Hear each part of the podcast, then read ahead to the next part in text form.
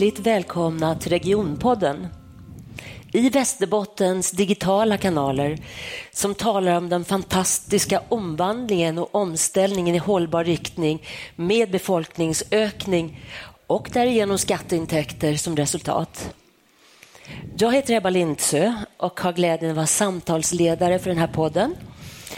Och vi ska tala om att påverka, att samverka och att förflytta i rätt riktning. Och här har jag några riktiga tungviktare i det avseendet. Från alla nivåer. Anders Byström, som är regional utvecklingsdirektör. Anders Sällström, som är chef för North Sweden Stockholm Office.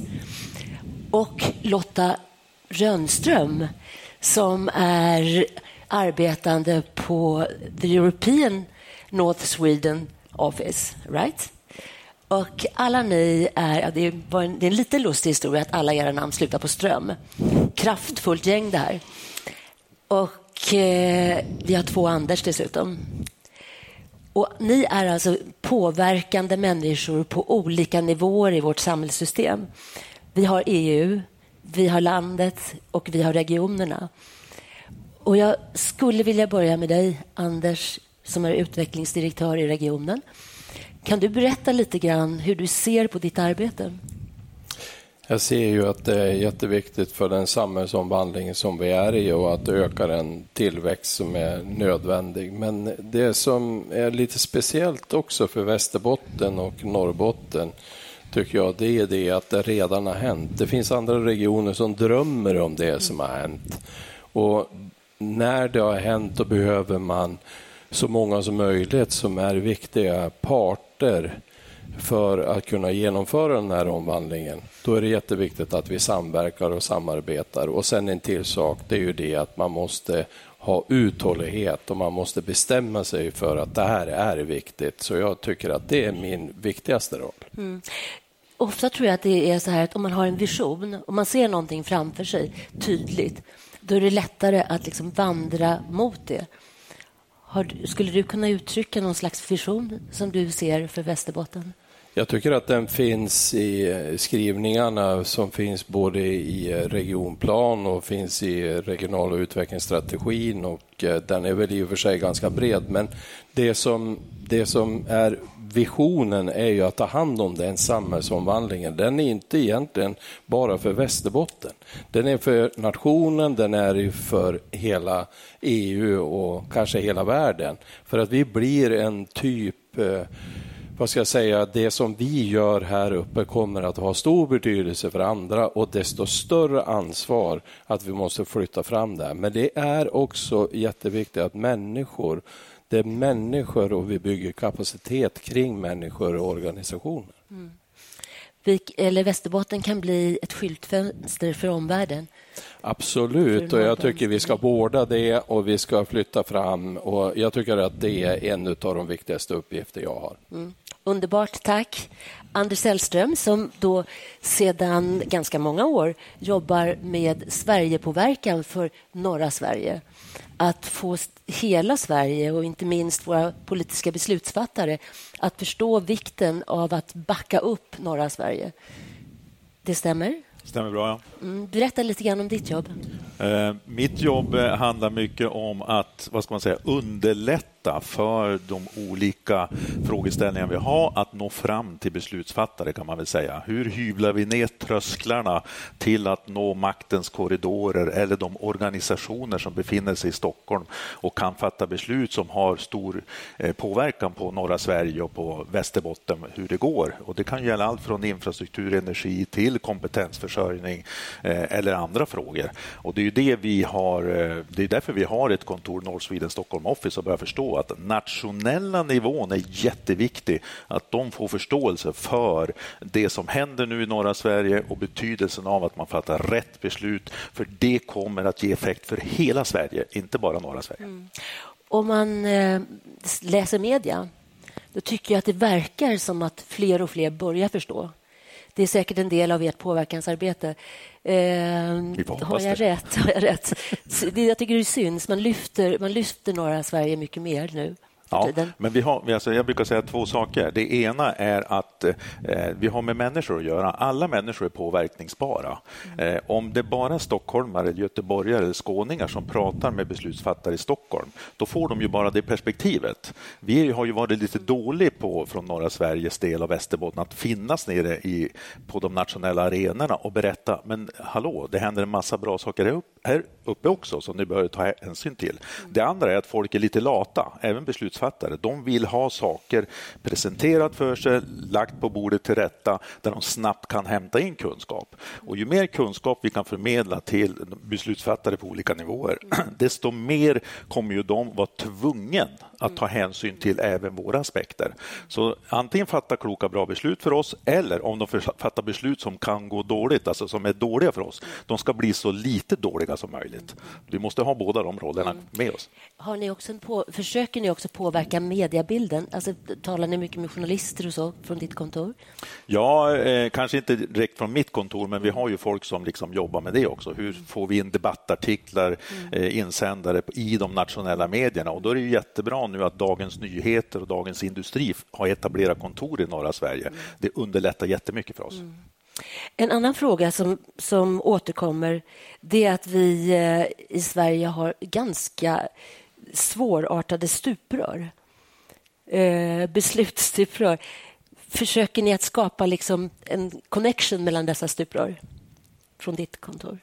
Ja, vi vet ju myndighetsstrukturen och regleringsbrev till myndigheter från regeringens sida går ju oftast i stuprör. Alltså man, man ska optimera i sin myndighetssfär och då blir det oftast en suboptimering. För om alla myndigheter gör det, allt från Trafikverk till eh, Tillväxtverk eller annat, då kan det ju bli så att det här blir inte bra för helheten. Mm. Och det är då vi kommer in här från regionala sidan och, och säger att vi måste jobba med hängrännorna, det som binder ihop mm. besluten, det som mm. får mm. besluten att, att inse att nej, men här kanske Trafikverket måste backa lite. Här måste Tillväxtverket fram och här kanske då de som ansvarar för etablering av gruvor måste göra ett annat sätt. Så vi hittar en balans som blir bra för helheten. Och här kommer vi in på regionala nivån, för vi skär mellan alla de här olika delarna på ett mycket bättre sätt än vad myndighetsstrukturen idag gör. Mm. mm. Vilket är jätteviktigt. Mm.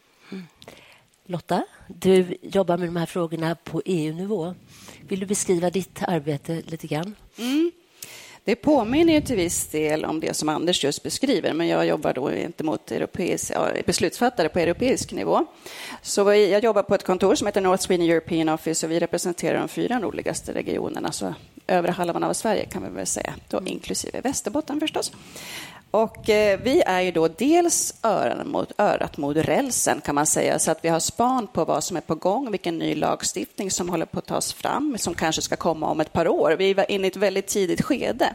Flaggar det här hemåt så att våra politiker i norr kan fatta ett beslut kring vad man skulle vilja se i den lagstiftningen, ofta vad man inte vill se så att säga. Sen får vi det mandatet från norr och då går vi och pratar med eh, beslutsfattarna helt enkelt på EU-nivå. Vi pratar med EU-kommissionen som tar fram förslaget och sen pratar vi med Europaparlamentet men även med nationell nivå från de olika medlemsstaterna för att se till att värna norra Sveriges intressen när den här lagstiftningen tas fram. Tycker du att de lyssnar på er? Absolut. Vi mm. pratar ofta om att det många gånger är bättre att ta genvägen via Bryssel för att sen påverka nationell nivå. Och här mm. möts ju Anders och jag ofta i våra jobb för att det, man får fram en europeisk lagstiftning som sen ska genomföras på nationell nivå. Och här måste vi också vara med mm. och se till att det inte blir för stramt, att man övertolkar direktiven eller så att man helt enkelt ta, kan ta vara på de möjligheter som, som finns eh, utifrån den europeiska lagstiftningen. Spännande. Regionerna fick ju ta över eh, utvecklingsarbetet från länsstyrelserna 2019. Och eh, Det här är ju en otroligt viktig del av regionens arbete. Det finns ju ingen liksom, skattekraft om inte, om inte regionen också utvecklas. Hur, eh, hur, se några aspekter där, du, där, där vi i region, ni i regionen kan skapa en attraktionskraft till att flytta till till Västerbotten. För det är väl det som är själva nyckeln till att skapa en, en, eh, ökad skattebas. Ja, attraktiviteten i eh, de områdena som, och hela länet eh, Västerbotten är ju jätteviktig. Och där är vi ju inte bara regionen som organisation som ska jobba utan Det handlar ju om både företag och, och kommuner och eh, inte minst eh, människorna, individerna själva som, som eh, på något sätt bygger, bygger en miljö. Men just för regionens uppgifter som är ju tre egentligen kan man väl hårdra det. Då. Eh, regional utveckling som vi har pratat om och så hälso och sjukvård och kollektivtrafik och kultur. Då, de delarna. De där måste ju funka. Alla de måste fungera på ett, på ett bra sätt. För att en icke fungerande hälso och sjukvård lockar inga människor. En stabil och bra hälso och sjukvård då är det en garant för att du kan bo någonstans. Du får hjälp när du ska ha hjälp. Men när det gäller intäktssidan som jag vill lyfta då i det här sammanhanget så är ju det regional utvecklingsdelen. Och där återigen så är det viktigt att man ser det, att man ser att just den delen genom olika typer av insatser när man får ihop myndigheter, man får ihop eh, företagsetableringar, man jobbar med finansieringslösningar både på EU-nivå och på på regional nivå och på kommunal nivå, när man liksom skapar förutsättningar för tillväxt. Det tror jag är en sak som vi måste i de här tiderna som vi lever i nu, att vi måste våga säga att det här behöver vi jätte, det är jätteviktigt för att vi kan inte kapa bort intäktssidan. Nej, eh, jag tittade på på budgeten för regionen och fann att den andel som går till regional utveckling är så liten. Den är knappt en procent av hela budgeten. Jag kanske har fel på någon decimal, men, men alltså otroligt liten. Räcker det verkligen för att skapa den tillväxt som faktiskt behövs i regionen?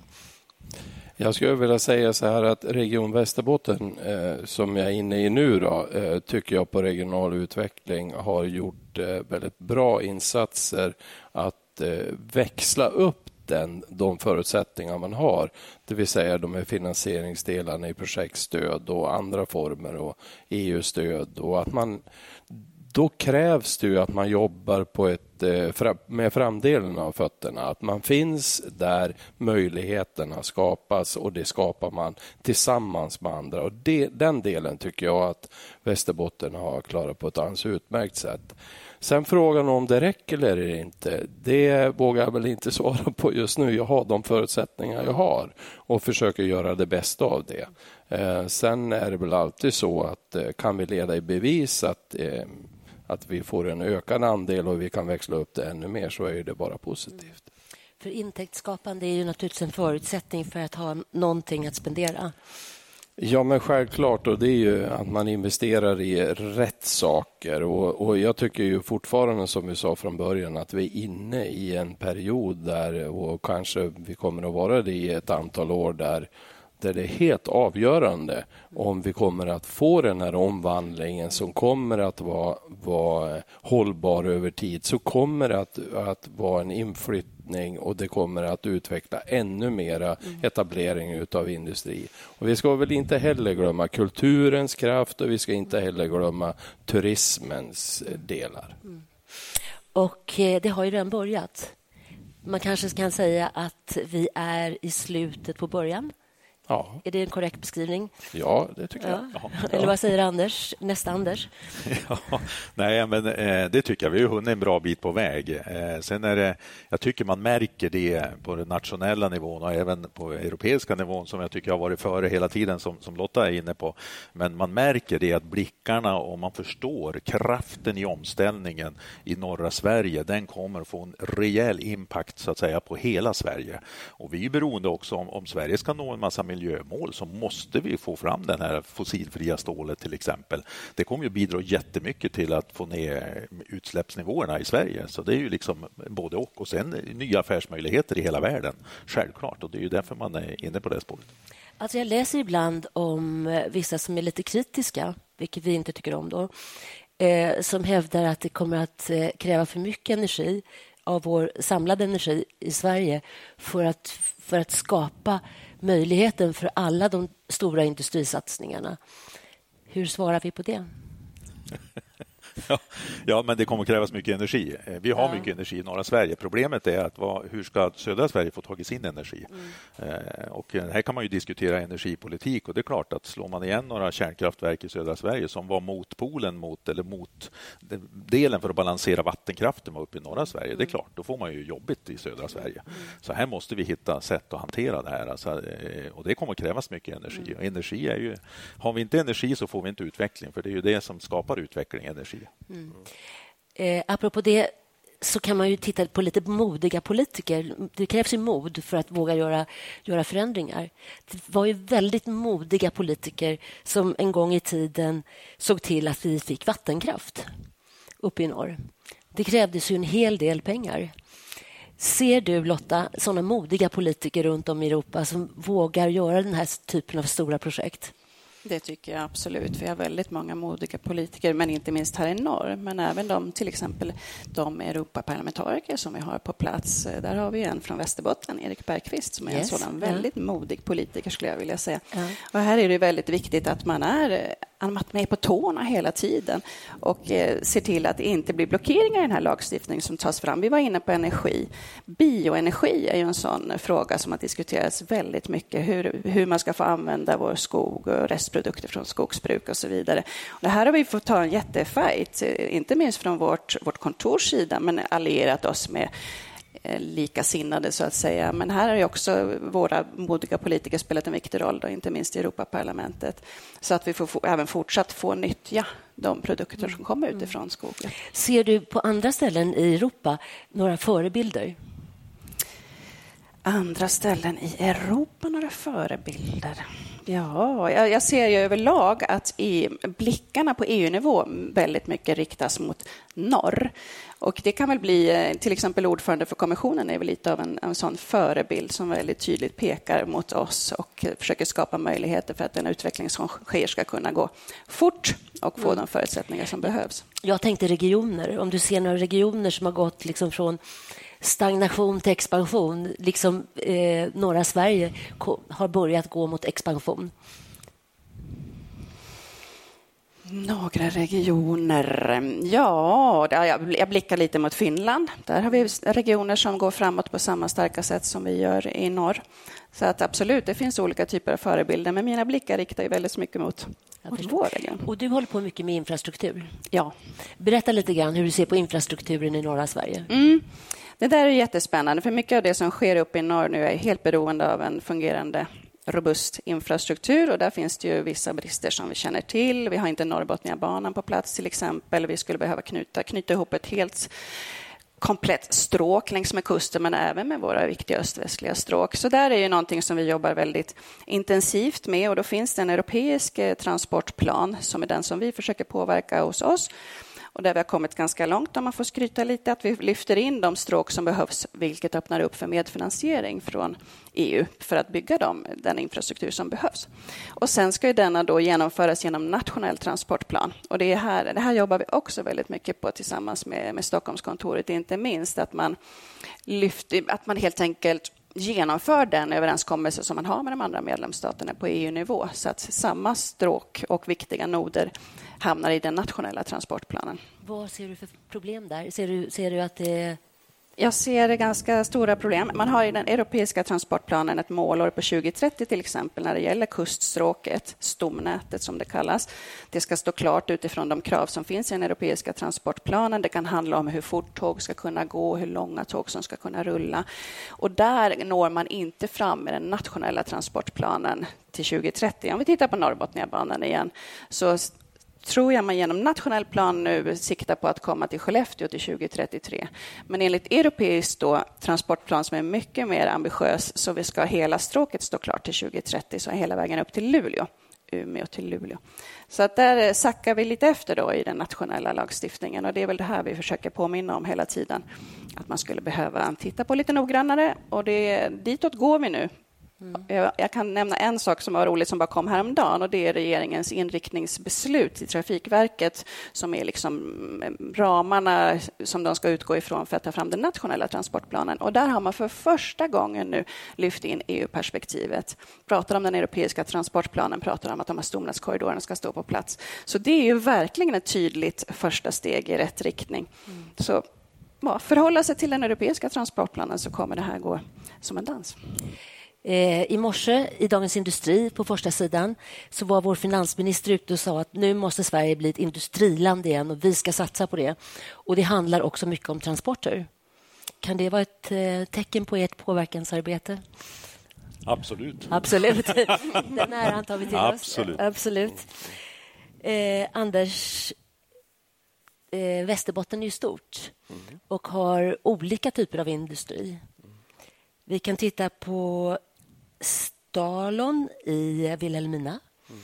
Jämföra med Northvolt i Skellefteå. Mm. Det är skillnad, men det är båda fantastiska, fantastiska händelser. Berätta lite om dem. Jag, jag har inte varit dit själv, men jag har hört det berättas. Och, och det är ju ljuddämpare som tillverkas. Eh, det här är ju en fantastisk eh, ort, fantastiska människor. Det bor 15 personer där och i företaget jobbar det 17. Och de är en exportindustri. De eh, arbetar också på ett hållbart sätt med allting de gör. Alltså det är så imponerande. Men det där är en i raden. Och då måste man nog också tänka det att det, jag förstår och jag tycker vi ska hjälpa och skapa förutsättningar för stora etableringar. Men vi kan inte glömma inlandet. Vi, vi ska också skapa föruts ännu mera förutsättning för den utveckling som finns där. Och Det tror jag vi tjänar på på många, många olika sätt. Det är fantastiska livsmiljöer. Vi måste se till att få en en, eh, även en kollektivtrafik och en infrastruktur som skapar förutsättning för utveckling. Och eh, här har vi nog ännu mer att göra och därför tänker jag göra en sån här inlands... Ja, eller besöka ett antal av de här kommunerna som ligger i inlandet. Jag är, jag ska inte säga kanske starstruck, men jag, jag tycker att det är fantastiska insatser som görs av människor. Och Då kan man ju tänka sig att man bygger strukturer och det är bra att strukturerna stödjer. Men det är ändå människorna som, som skapar de här förutsättningarna. Och därför tycker jag att det där företaget är en så jättebra bild på hur mycket bra och in, vad ska vi säga, människor som kan, kan utveckla där man befinner sig. En gång i tiden var jag chef för Svenskt Näringsliv. Och eh, Den organisationen tyckte jag då mest tittade på fel. Då bad jag min organisation att hitta ett samhälle som går framåt där man satsar på varandra, där man, där man hjälps åt och de bygger det här samhället. Och Vi hittade Trångsviken i en region som du känner väl till. Mm, precis. Eh, det ligger ju, Trångsviken ligger ju mittemellan Östersund och Åre, kan man säga. Kanske lite närmare Åre. Ehm, och där är det ju samma symptom eller samma lösning, det vill säga att man har bestämt sig och så bygger man kapacitet runt, runt det man vill göra och så gör man det. Och så eh, tror jag inte att man sitter och väntar på något kommunalt beslut eller något regionalt beslut eller något sånt. Utan det är driftiga personer som värnar om orten. Och det är en fröjd att, att besöka dem. Nu har jag jobbat en hel del i den där regionen så jag råkar ju veta det. Mm. Mm. Och du har berättat om att det kommer folk flyttandes från typ Silicon Valley och så till Trångsviken. Kanske inte just Silicon Valley, men alltså det kommer ju folk med höga utbildningar och höga positioner ja. som flyttar till Trångsviken för det är så coolt där. Ja. Jag tänker, hur gör vi tillsammans Västerbotten lika coolt som, som de i Trångsviken gjorde Trångsviken? Anders, är det du? ja, nej, men eh, jag tror att, att eh, många av de här orterna är på väg eller är där redan. Eh, jag tycker mycket också, det behöver inte vara att, man, att det ska stå någonstans utan är det så att människor trivs där och att man gör de här insatserna Eh, för att sin egen ort ska utvecklas. Och det finns det otaliga exempel på i Västerbotten. Och eh, hela inlandet i sig eh, skogslänens förutsättningar behöver också belysas för att man ska kunna skapa de här samhällena. Och jag tror att vi måste även fokusera på dem i vår utveckling framåt. Mm. Lotta, hur bidrar EU för att eh, skapa den här känslan av att vi kommer vinna, vi, vi ska dit, vi gör det tillsammans? Eh, har du några tankar i det? Hur bidrar EU för att visa att vi gör det tillsammans? Man... Om jag förstår det hela rätt så är EU bättre på regioner än vad vi i Sverige är. Ja, men det Man... är lite så. Ja. Precis. Det är lite, jag, jag känner ofta det att vi på regional nivå till exempel kan vara bättre på gränsöverskridande samarbeten. Vi är ju väldigt nära till hands till våra finska grannar, våra norska grannar som inte ens är med i EU, olika typer av, av samverkan. Och det här ser jag inte minst inom transportpolitiken att det, det, har haltat lite. Jag tror att vi är på väg åt rätt håll där också. Att man man skulle behöva vinna på att jobba lite mer över gränserna. Det skulle också öppna upp för större möjligheter att kamma hem till exempel medfinansiering vad gäller infrastrukturutbyggnad. Mm. Så där, eh, där ser jag att EU hjälper till och att vi på regional går lite i bräschen helt enkelt. Kan det vara så att vi behöver förstå lite mer att vi har möjlighet att få hjälp från EU och ta den tillvara? Ja, men det tror jag. Jag tror att det är många som inte riktigt känner till alla möjligheter som finns och som också känner att det är som ett hinder att, att jobba mot EU-institutioner. Och det är här vi kommer in som regionkontor och eh, har de kontakter som krävs. Det, det man ska veta är att det, det är öppna dörrar till EU-kommissionen. Man tar en kontakt och får väldigt ofta ett möte, ett samtal. Det är inte svårare än så. Det handlar ju mycket om de här nätverken och det, det får man ju genom att vara på plats. Men det är inte, det är inte komplicerat, utan man måste bara våga lyfta luren. Jag har faktiskt hört många gånger just från EU-kommissionen att de är häpna över att inte fler lyfter luren och kontaktar dem och berättar liksom hur, man, hur man tänker kring en fråga. Anders, lyfter du luren till dem ofta?